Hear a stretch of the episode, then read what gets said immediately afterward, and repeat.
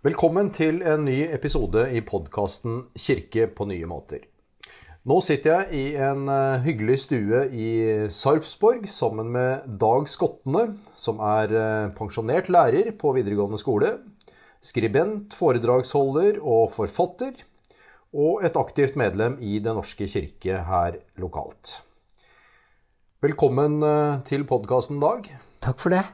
Og jeg må jo si at bakgrunnen for at jeg tok kontakt med deg for å få til en prat, det eh, går egentlig ganske langt tilbake i tid. Ja. Over 20 år tilbake i tid så hørte jeg deg i et foredrag om kristen tro og psykisk helse, som vi også har satt som overskrift på denne podkasten. ja. Det har jeg vært opptatt av. Og eh, det er det temaet vi skal ta utgangspunkt i nå. Og vi vil komme inn på både en eh, bokstavtro kristendom, på eh, menneskesyn og på gudsbildet. Og for å komme inn i disse temaene, så er det nødvendig å starte ganske langt tilbake i tid. Litt din egen livshistorie, din egen livsreise og din egen bakgrunn. Og dette med hvordan vi kommuniserer kristen tro eh, i dag, det, det har opptatt deg gjennom alle år. Ja. Det har det virkelig. Og det har nok eh, sammenheng med nettopp med den bakgrunnen jeg har vokst opp i. Ehm, for jeg har jo registrert at den, den, den har ikke alltid fungert så bra når det gjelder det kommunikative. Det er én side ved det. Så det er riktig, jeg har vært veldig engasjert av det. Jeg har vokst opp i en tradisjon som var veldig klar på én ting. Og det var at man for all del ikke måtte ta Bibelen ut av sin sammenheng.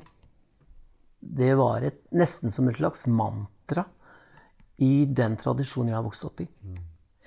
Altså Bibeltroskap, det ble definert som bokstavfortolkning av Bibelen. I veldig sterk grad. Ehm, og da, hvis det er utgangspunktet, så er det veldig mye i livet som blir såkalt tindrende klart. Eh, det blir uten rom for tvil og nyanser og gråsoner. Med andre ord, grunnen legges åpen for utviklingen av en ganske fundamentalistisk og stor grad av skråsikkerhet i sin tro.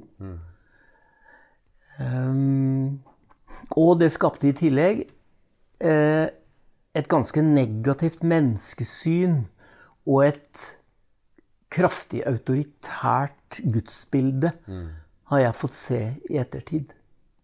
Men det er jo i ettertid. Når du er barn og ung, du har veldig liten sjanse til å innta noe annet enn det du blir lært opp til. Og særlig hvis den formidlingen er relativt skråsikker. Etter hvert, gradvis, så ble det for meg ganske umulig å beholde kristen tro hvis det grunnlaget skulle være forutsetning for troa. Det ble en troskrise som har vart utrolig lenge for meg. Ikke, ikke det krisefylte, men behovet for refleksjon i ettertid. Du verden, det har tatt mange år, altså. Eh, for gradvis så gikk det jo opp for meg at det var nettopp det vi måtte. Vi måtte ta Bibelen ut av sin sammenheng. I betydningen vi må, må, spørre hva er det i det bibelske budskapet som har noe sentralt å si i dag i vår livssituasjon. Det er virkelig nødvendig. Hvis vi ikke gjør det, så blir vi hengende igjen i normer og livsinnstilling og holdninger som er henta fra Midtøsten for 2000 år siden. Det er det som skjer. Og det har hatt tragiske konsekvenser for Kirken, tenker jeg, på, i vid sammenheng. Og også i veldig mange enkeltmenneskers liv. Og jeg er en av dem. Eh, det, det, det, som skjedde, som jeg opplevde, det var jo at konsekvensene var at det, det medførte veldig konserverende og til dels utdaterte holdninger i forhold til en rekke livsområder. Rett og slett. Eh, for å kunne eksemplifisere det eh, Hvis vi tar det skikkelig langt tilbake i historia, så var det jo Kirken var i, eh, i stor grad en forsvarer av slaveriet. Med utgangspunkt i noen setninger i Bibelen. Ja da. Vi ser det tragiske og komiske i dag, men den gang så var det ikke det. Det var på fullt alvor. Ja da. Det, jeg hørte faktisk for, forleden dag at uh, det er ikke bare noen få setninger i Bibelen heller. Det er faktisk flere hundre setninger som på en måte tar slaveriet for gitt. Akkurat. Så ganske tungt, egentlig. Ja. Det var jeg ikke klar over at det var såpass massivt. Men jeg mener med, med, med, slikt utgangspunkt så, så må det bli galt. Og jeg har, som, jeg har jobba veldig mye med psykologi gjennom livet. Jeg har undervist om det i, i 30 år på videregående skole. Eh, Så jeg har vært bl.a. opptatt av hvordan barn blir behandlet. Og det er ikke så veldig mange tiår siden vi hadde en helt seriøs diskusjon om tuktbegrepet med utgangspunkt i Bibelen. Det blir veldig feil. Og Det er, det er en drøss med eksempler. Holdninger til konflikten i Midtøsten i dag er enda et eksempel. Eller spørsmål om likestilling mellom mann og kvinne. Holdninger til mennesker med annerledes seksuell legning, osv. osv. Det blir veldig mye som ble feil for meg. Det, det er i korthet min bakgrunn teologisk. Og, som, eh, og, det, og med den påfølgende nødvendigheten for meg selv til å bearbeide det og reflektere over Kan jeg i hele tatt stå for dette?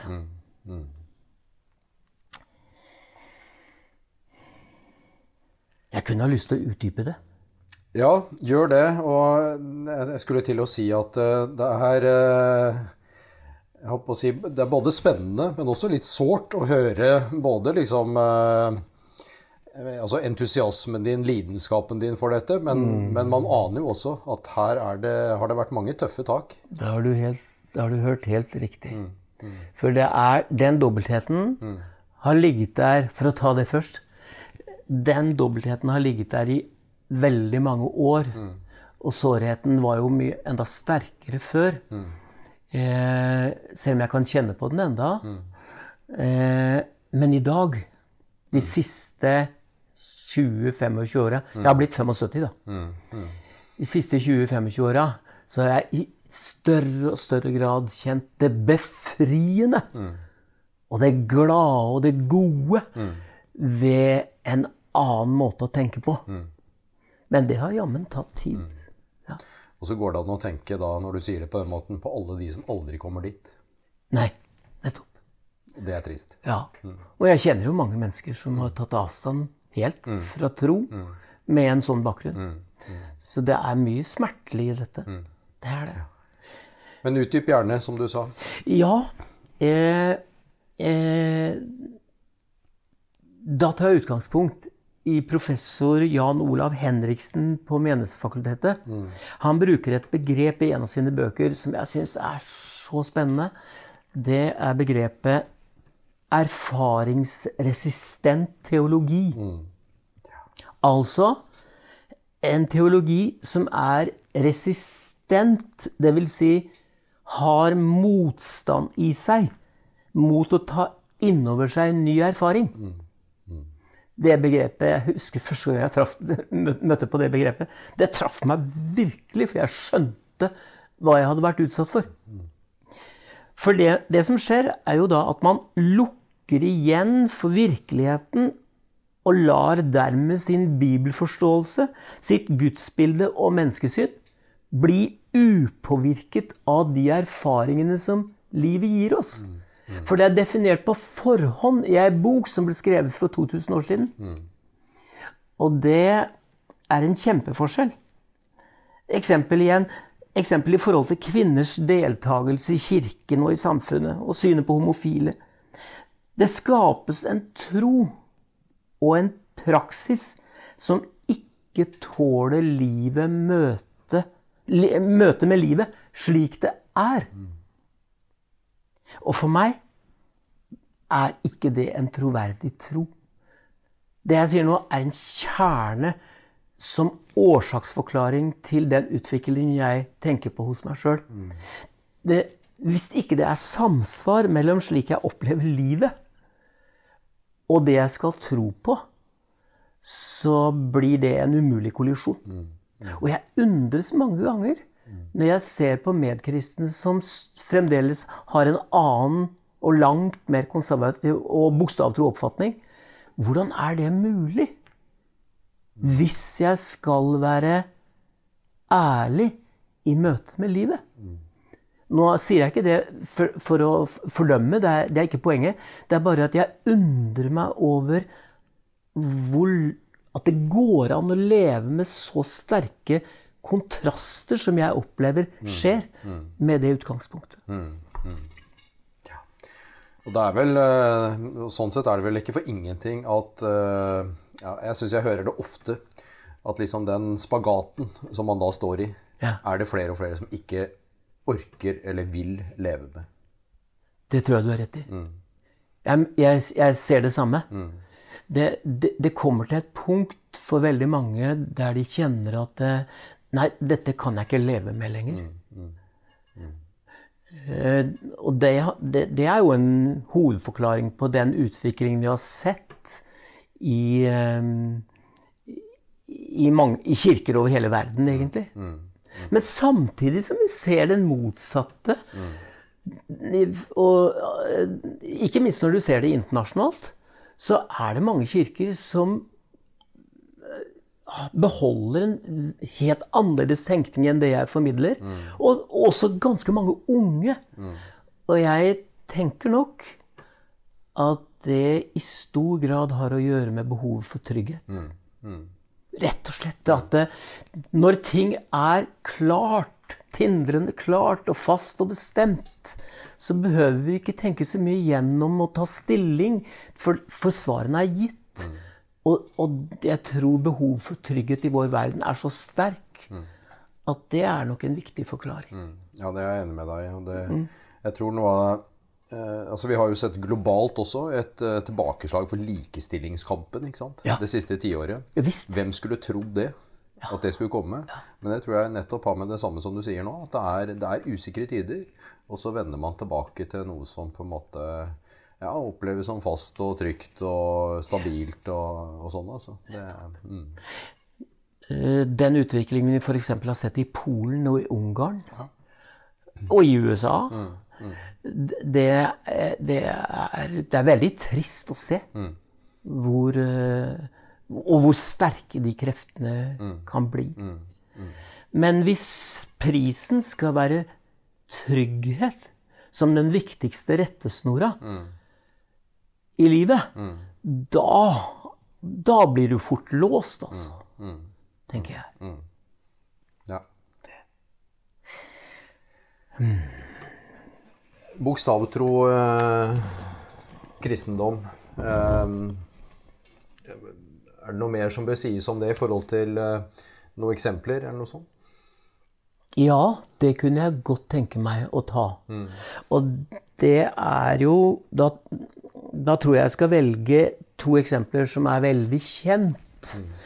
Eh, og de har nok vært veldig Jeg velger de også fordi det er, de to eksemplene har vært veldig viktige for, for eh, min utvikling, rett og slett. Eh, husk på at jeg er gammel nok Nå tar jeg det første. Jeg er gammel nok til å huske den bitre og uforsonlige kampen mot kvinnelige prester på 70-tallet.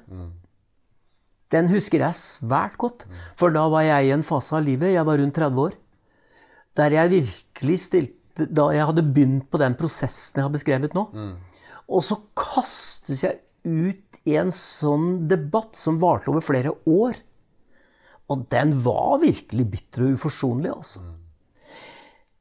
Uten å overdrive, så må vi kunne si i etterkant at Kirken i sin kamp mot kvinners likeverd tok forferdelig feil. På den tiden var det veldig mange mennesker som forlot kirken og kristen tro. Og dette er en meget viktig årsak. Det man hevdet, var et forsvar for Bibelen og den rette lære. Det man hevdet var liksom et godt forsvar. Det ble egentlig en kamp som baserte seg på fordommer og reaksjonær intoleranse mot medmennesker. Tror jeg.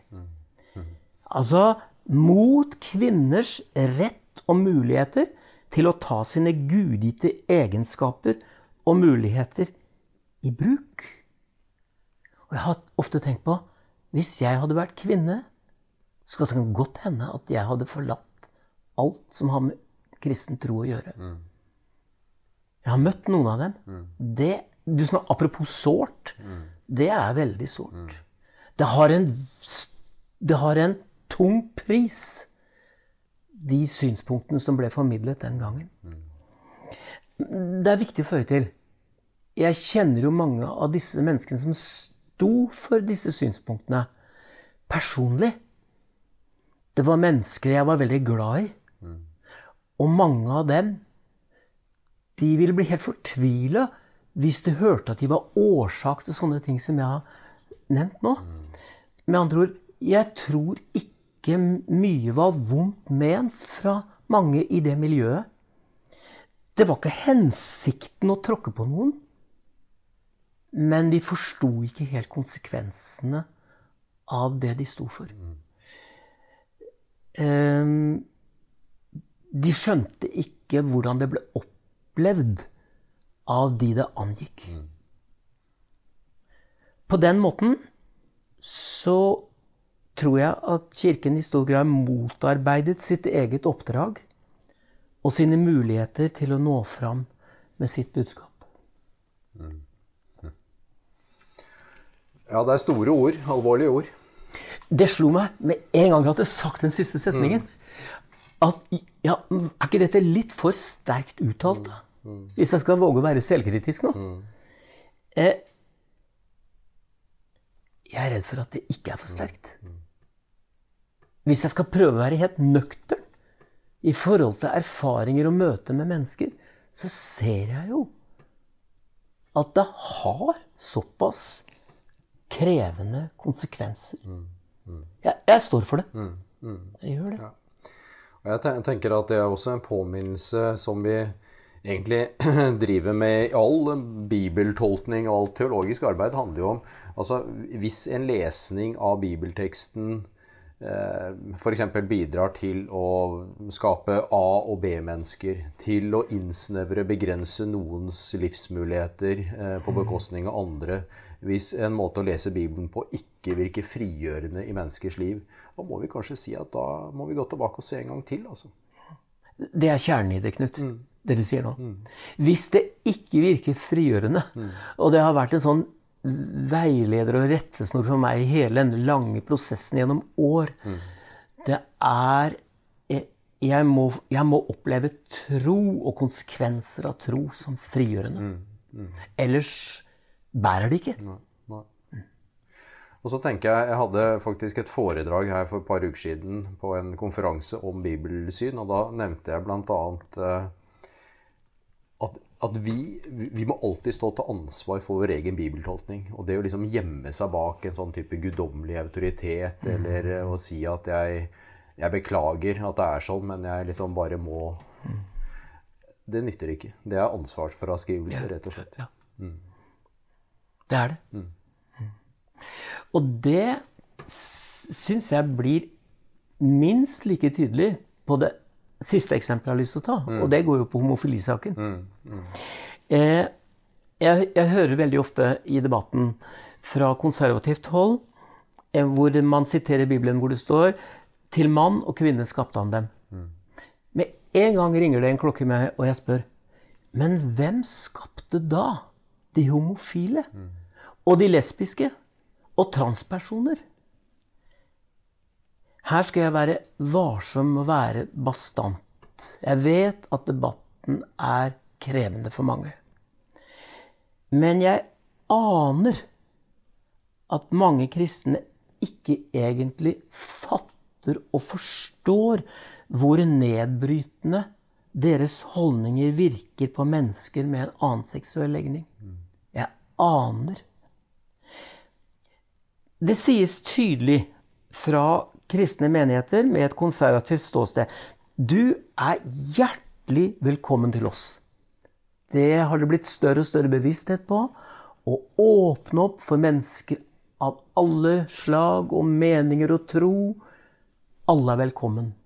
Men det mange homofile opplever, det er jo samtidig at det sies mer eller mindre indirekte Vi kan egentlig ikke fordra den du er.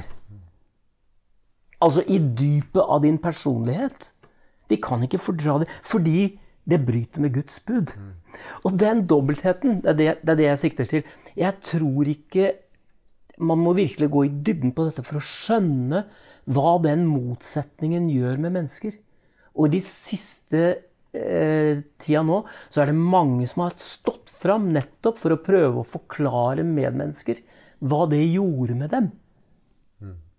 Ja, Jeg tror du er inne på en helt, uh, helt sentral uh, ting holdt jeg på å si, knytta til den diskusjonen eller samtalen her, som, uh, som, nok ikke har blitt nok adressert, egentlig. Altså. Og som kanskje en del ikke har blitt utfordra nok på hva egentlig er konsekvensen av. Mm. For det som jeg tror skjer, er at da ender vi opp uten å ville det. Men vi ender opp med en kristendom som formidler det motsatte av kjærlighetens evangelium. Igjen ut fra slik det oppleves av den med avvikende seksuell legning. Det er viktig å ha det perspektivet. Når vi da erfarer at vår teologi og våre holdninger så grundig tråkker på andre mennesker, hvis vi erfarer det, så er det jo vårt ansvar, som vi var innom i stad, mm. å åpne opp for virkeligheten og våge å ta det innover oss. Med andre ord den erfaringsresistente teologien vender kjærligheten til medmennesker om til kulde og avstand istedenfor kjærlighet. Mm. Mm. Det er også veldig tøft uttalt. Men jeg har ikke andre ord for det. Og det er ikke bare mine. Det er først og fremst ordene til ma veldig mange kristne homofile. Og homofile som har forlatt kristen tro. Det er først og fremst de som sier det. Ja, det er et stort, uh, stort tema. Og uh, uh, veldig relevante refleksjoner du har, eh, har her, altså. Og dette leder videre til eh, det neste temaet, som er menneskesyn. Og en Dag, så er det behov for å gå litt tilbake i tid. Og ja. si litt om den sammenhengen du vokste opp i, rett og slett. Ja, det blir veldig naturlig for å sette det i kontrast til hverandre. Da jeg som ung skulle forsøke å finne ut av hva jeg ville i livet, eh, hva jeg hadde lyst til, f.eks., eller eh, hvilke evner og anlegg jeg hadde, og valg av utdannelse osv., så, så var jeg påvirket av en holdning som tilsa at jeg måtte regne med at min vilje i utgangspunktet var på kollisjonskurs med Guds vilje. Mm. Det var en sånn grunnholdning jeg var vokst opp, med. Mm. Forkynnelsen av mennesket som et syndig vesen var med andre ord massiv. Eh, et sentralt tema var fordervelsens avgrunn i meg. Noen sangtekster fra den tiden kan illustrere. Eksempel Fattig i meg selv jeg er. Dette er fra kjente kristne sanger. Selv er jeg intet, Jesus mitt alt. Eller en eh, som ble skrevet Det er interessant, den ble skrevet på slutten av 1800-tallet av Per Nordsletten. Der lyder en del setninger slik. O min frelser så kjær, hvor elendig jeg er, med et hjerte fordervet av synd? Eller kan du have meg kjær, selv så heslig jeg er? Det er veldig sterke ord. det, interessante er at den sangen fins i sangboken enda. Jeg har gått og sjekka. Den står der ennå. Jeg vet ikke om den synges i dag. Nei, det er nok en del som kjenner seg igjen i dette her. Ja. Hva er, hva er det som mangler, da? For å være For å komme dit? Ja. Det jeg opplever mangler, det er Gud som skaper. At jeg er skapt i Guds bilde og dermed er uendelig verdifull i meg selv. Jeg er ikke primært en hjelpeløs og utilstrekkelig skapning. Men jeg er Guds skaperverk, med potensial for godhet, kjærlighet og skjønnhet. Selvsagt må vi legge til Visst har vi potensialet også for ondskap og destruktiv egoisme. Hele veien er vi det. Men den tanken må balanseres og nyanseres. Ikke sant? Jeg syns det illustreres på en flott måte hvis jeg tar med et sitat fra deler av ritualet som brukes i Olavskirken på Modum Bad. Der lyder det slik Sitat. Vi kjenner lysten til det onde i våre hjerter. Se i nåde til oss og tilgi oss. Vi kjenner lysten til det gode i våre hjerter. Forny våre sinn og gi oss mot til å elske. Flott måte å få fram at begge sidene er det. Når vi kjenner etter, så kjenner vi begge kreftene i oss.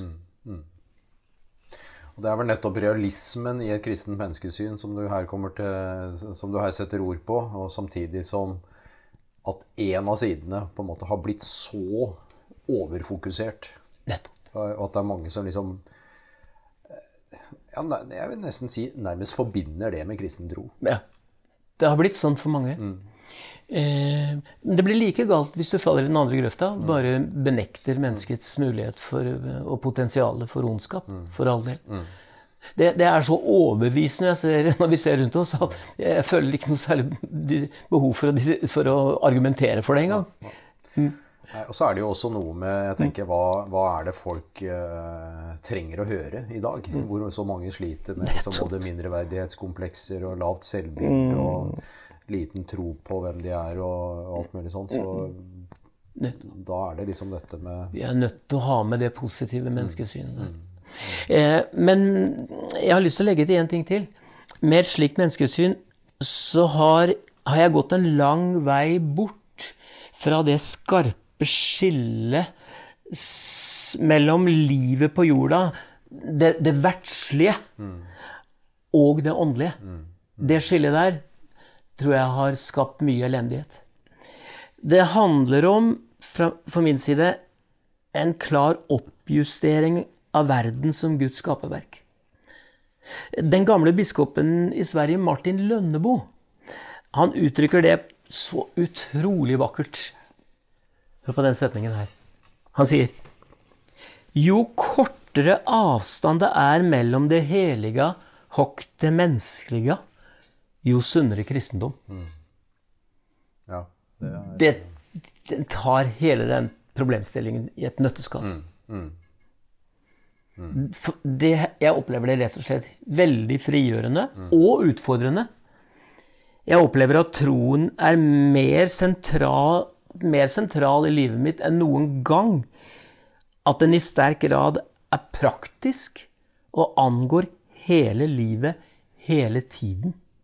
Med et sånt syn som Lønnebo uttrykker det.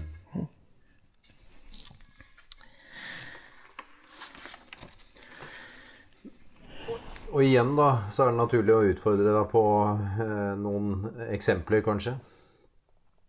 Ja, jeg tror kanskje det kan levendegjøre det. Da, da, da kan vi få fram Hva, hva betyr dette i praksis? Eh, jeg har lyst til å gi et par eksempler som eh, jeg har vært veldig engasjert av selv. Hva er konsekvensene av et sånt syn som jeg har formidla nå. Eh, jeg går tilbake til 1974. Da var jeg 28 år. Det året ble det grunnlagt en organisasjon, Fremtiden i våre hender. 1974. Eh, da var det, rett etter, da det kom fram at den var grunnlagt, så var det en leder i en lavkirkelig organisasjon som gikk ut i protest mot at dette var noe kristne mennesker burde engasjere seg i. Og hans argumentasjon var at fremtiden ikke er i våre hender, men i Guds. Eh, det uttrykker en teologi som for meg er helt fremmed. For det han gjør, er å underslå at det er jo vi som er Guds hender i verden. At skaperverket fortsetter å skapes og brytes ned gjennom nettopp våre holdninger og handlinger. Det får han ikke med. Det er det ene eksempelet. Det andre eksempelet er atskillig ferskere. Um, jeg fortalte en medkristen eh, at jeg er frivillig medarbeider i et prosjekt som retter fokus mot plastforurensningen i havet. Det kalles Håpets katedral mm. og bygges i Fredrikstad. Mange vil ha hørt om det.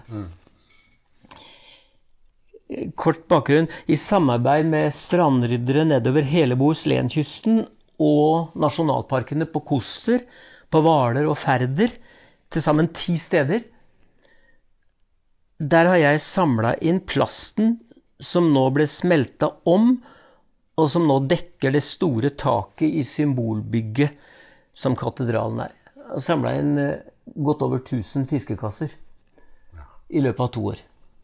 Det var min jobb. Ja. Imponerende. Avtalte med strandrydderne, og så kom jeg og henta det. Mm. Hm. Da jeg fortalte en person om mitt engasjement, så fikk jeg følgende kommentar. Det er sikkert vel og bra, men det er jo ikke slike ting som er vår oppgave og vårt ansvar som kristne mennesker.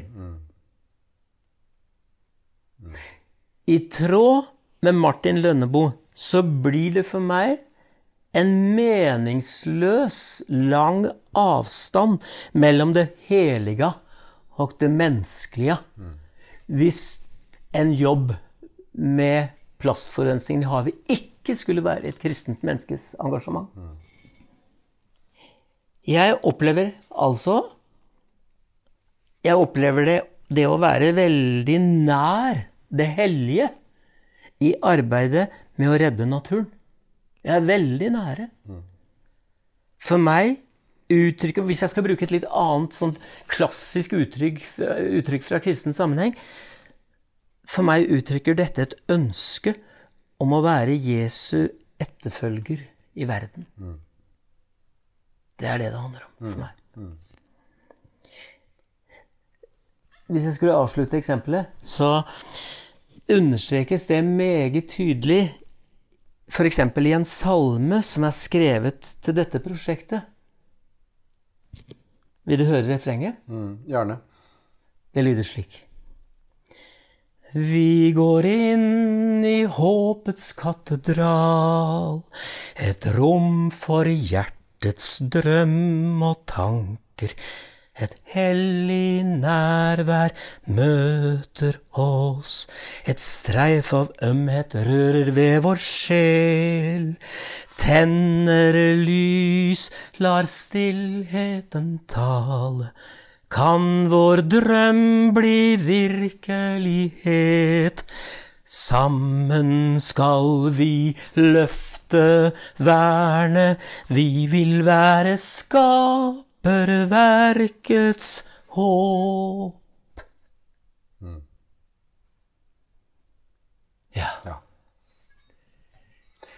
Fantastisk. Det er uh, Og jeg, jeg, jeg tror ja, Det er nesten vanskelig å vite hvor en skal fortsette, men jeg tenker eh, sånne type utsagn som sier at vi har viktigere ting å, å, å, gjøre, er jo litt sånn eh, Altså man risikerer å glemme hele første trosartikkel, tenker jeg da. Ja. Det er helt åpenbart for meg. At det er den andre eh, I prioritert rekkefølge i Kirken så har den andre trosartikkel vært suveren ener, og så kommer Den hellige ånd og tredje på andreplass, mens den første trosartikkel den er langt ned på lista. Har vært. Og det er nok en viktig sånn teologisk forklaring her. Jeg har en, eh, jeg har en eh, Green Bible hjemme. Ja. Og der er alle bibelvers som handler om liksom skaperverket, nærheten mellom Gud og det skapte, skrevet i grønt. ja. Det er ikke lite, altså. Det er en god del. Det er, eh, det er mange flere bibelvers enn de få hundre som handler om slaveri, for å si det sånn. Ja, nettopp. Det er gjennomsyra hele veien. Ja. Eh, Jeg har bare lyst til å legge til hvis det, denne Håpets katedral Det har vært utrolig spennende å følge det prosjektet. Den begynner å bli ferdig nå. Mm, Siste bakveggen skal bygges nå i høst. Eh, Men for meg har det faktisk blitt sånn at jeg, jeg syns det uttrykket 'håpets katedral' er så vakkert.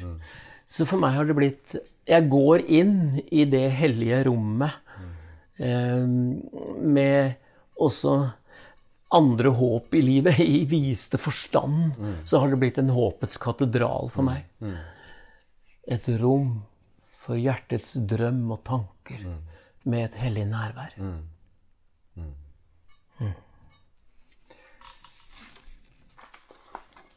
Og det er jo hele jeg holdt på å si, Kjernen i kristendom må jo sies å være liksom inkarnasjonen. At Gud blir menneske. Del av vår verden. Del av vår verden. Så totalt identifiserer Gud seg med, med denne verden, med det skapte, med oss mennesker. Ja. Ja, skal vi gå videre til tredje hovedtema, som er gudsbildet? Ja, det syns jeg blir en veldig naturlig overgang og en avslutning. Det handler om, for meg, en vei bort fra et strengt, autoritært og straffende gudsbilde over til et varmt og kjærlighetsfylt bilde av Gud. Nå skal det legges til at det er vel en side ved Gud Guds storhet, mektighet, eh, makt Egentlig noe vi har store problemer med å fatte og forstå. Ja, vi snakker om skaperen av himmel og jord. ikke sant? Altså de store dimensjonene. Det er nok også en side Men jeg tenker at sånne perspektiver er nødt til å balanseres opp særlig mot en nærhetsdimensjon. Gud er også en vennlig favn. En kjærlig mor. Et stille nærvær. Ja, mitt håp i liv og død. Den ensidigheten jeg vokste opp med, ble umulig. Og det bildet som særlig treffer meg, hvis jeg skal gå videre derfra, det er lignelsen fra Bibelen om den bortkomne og hjemvendte sønn. Særlig når jeg kobler den lignelsen med det kjente maleriet av Rembrandt. Det bildet i motivet der sønnen vender hjem og får møte faren som tar imot. Farens hender over sønnens rygg, der sønnen ligger foran ham på kne. På kne. Blikket hos faren.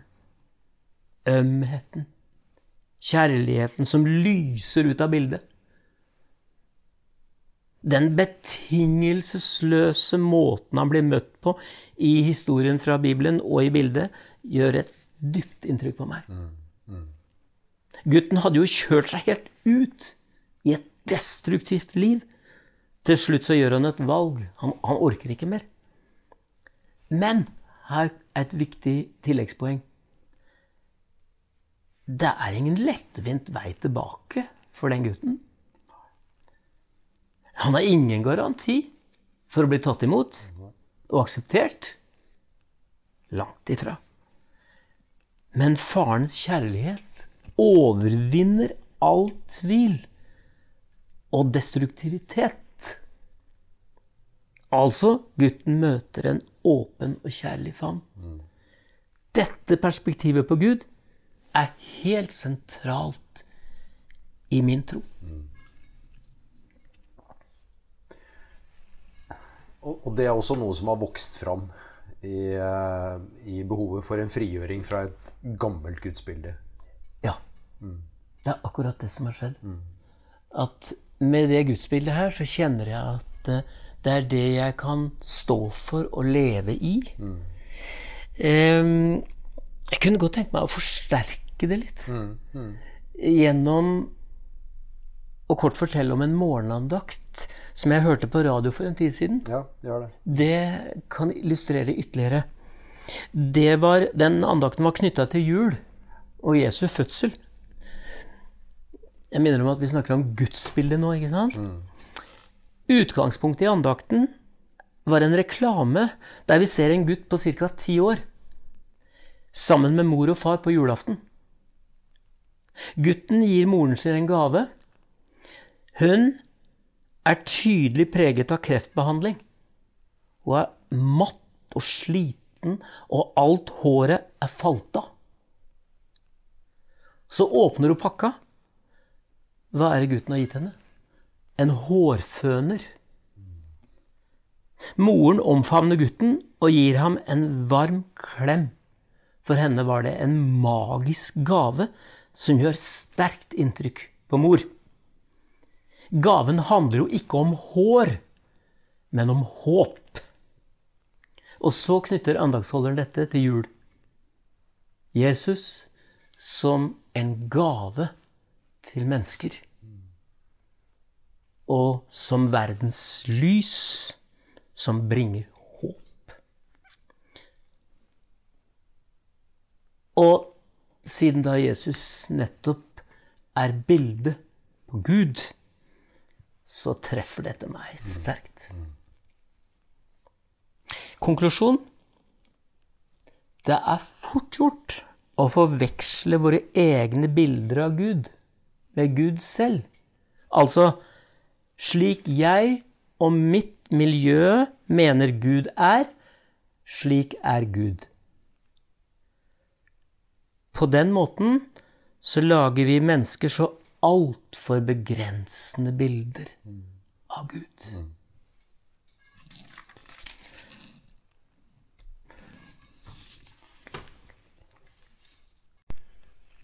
Det er en sterk historie med, med reklamen du henviser til, og, og, som leder over til Jesus. Um, har du lyst til å utdype eh, enda litt mer på akkurat dette her, med gudsbildet? Ja, det kunne jeg tenke meg. Um, lyrikeren R.S. Thomas han tar opp denne tanken på en beltagende måte i et dikt. The White Tiger. Den hvite tigeren. Han beskriver dette fantastiske, flotte dyret som har skapt styrke og frihet. Men vi, menneskene, har satt det i bur. Tigeren vandrer rastløs frem og tilbake bak gitteret. Og så røper forfatteren symbolikken. Den hvite tigeren er bildet på Gud. Og stengslene og gitteret, det er våre begrensende og snevre ideer og meninger om hvem og hvordan Gud er. Det er gitteret. Og så vandrer Gud, da, rastløs bak vårt gitter.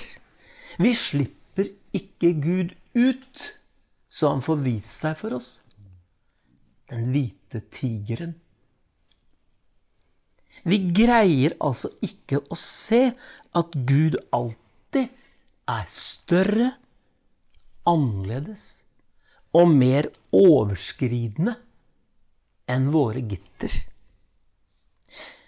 Et av de flotteste sitat jeg vet om som samler min grunninnstilling i dag, det kommer fra forfatteren Stein Meren. Det lyder slik. Vi reiste en gang katedralene. Ikke for å fange mennesker, men for å holde våre liv fast i overskridelsens gåter.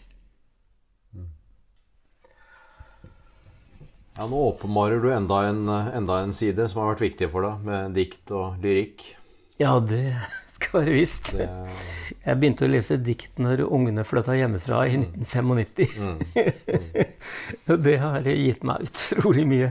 Men det er et annet perspektiv. Men Gud som alltid, alltid større enn våre, våre ideer. Og jeg tenker eh, Der er vi jo på en måte altså på en måte er vi kanskje litt, litt sånn tilbake til, til, noe av det vi begynte med, som var så veldig eh, begrensende på en måte, ikke sant? Eh, og skråsikkerheten og så videre, og behovet for trygghet og, og alt det der. Jeg tenker den derre troen på Gud som alltid noe større, og som Altså, heller ikke det vi har snakka om i dag, er jo noe uttømmende på noen måte. Og det kan godt hende om, for min egen del, så om fem år kan det godt hende jeg ser veldig annerledes på mye av dette her. Men sånn er det jo å være menneske. Og jeg tenker at det, det beste vi kan gjøre, det er vi, vi, må bare innse det. At uansett hva vi sier om Gud, uansett hvordan vår bibeltolkning er, så er det basert på våre erfaringer og våre kunnskaper og alt mulig, så er det ok det er det beste vi kan uh, si og gjøre. Uh, men det kan godt hende at det endrer seg en annen gang. Uh, å leve med den dynamikken der, da, tenker jeg er, er jo veldig, veldig i tråd med budskapet til en som det står om at han hadde ikke noe seng å ligge i. Han var stadig på vandring, ikke sant? Og, og sånn.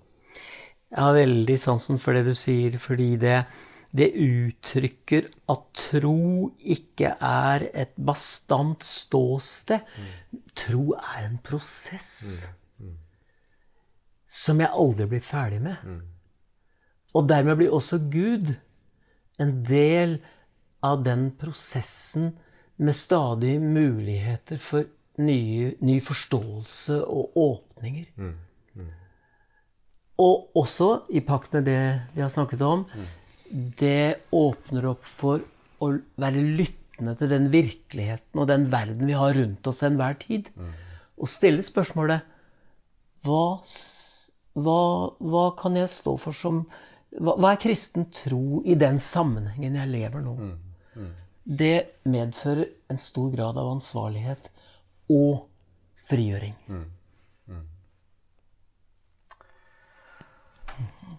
Jeg tror vi avslutter der, Dag. Det er en, eh, et fint sted å avslutte. Tusen takk for en spennende og perspektivrik samtale. Takk for utfordringen.